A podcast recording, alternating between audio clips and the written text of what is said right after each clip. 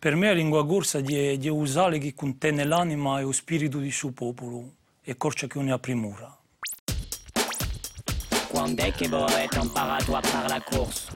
L'ho iniziato a imparare a scuola, ho continuato nel liceo, l'ho perfezionato all'università fino a passare a capes di corso. Faccio che ho perso appena un lato su Tanaccio e Taravese che è un mogetto familiare e mi sono iscritto in un, in un parlare appena, appena di un centro Curtinese, Supranaccio, bon, o principale di parla corso, eh? anche se certi in paese mi rimprovano di, di, di aver perso su su Taravese, anche alle volte cerco di, di 11, ma voilà, ecco, il percorso è questo. Quando la dublate a lingua corsa?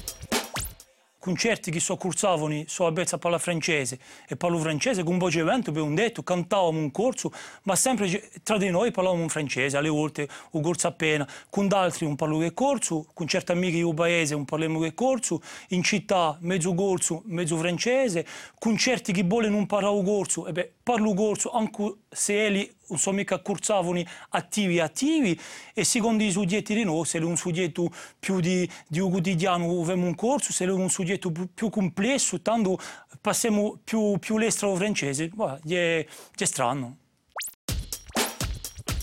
Chi rappresenta per voi la lingua corsa? La lingua corsa beh, ciò che mi face da corso, ciò che mi scrive di già in omologo, ciò che mi scrive l'universale, ciò che mi face da, da differente in quel mondo plurale. Eh, certi dirigono chi, chi non ha nulla la lingua corsa e che non ha più a nulla imparare. Io penso che più che tutto Dio ha esse la lingua corsa, tanto ciò che lei per me è esse. Ecco.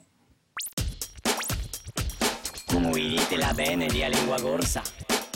Penso ad un cuore che il suo popolo è sempre capace di un trasalto e ad un baciare il corso di un corrente di suo destino.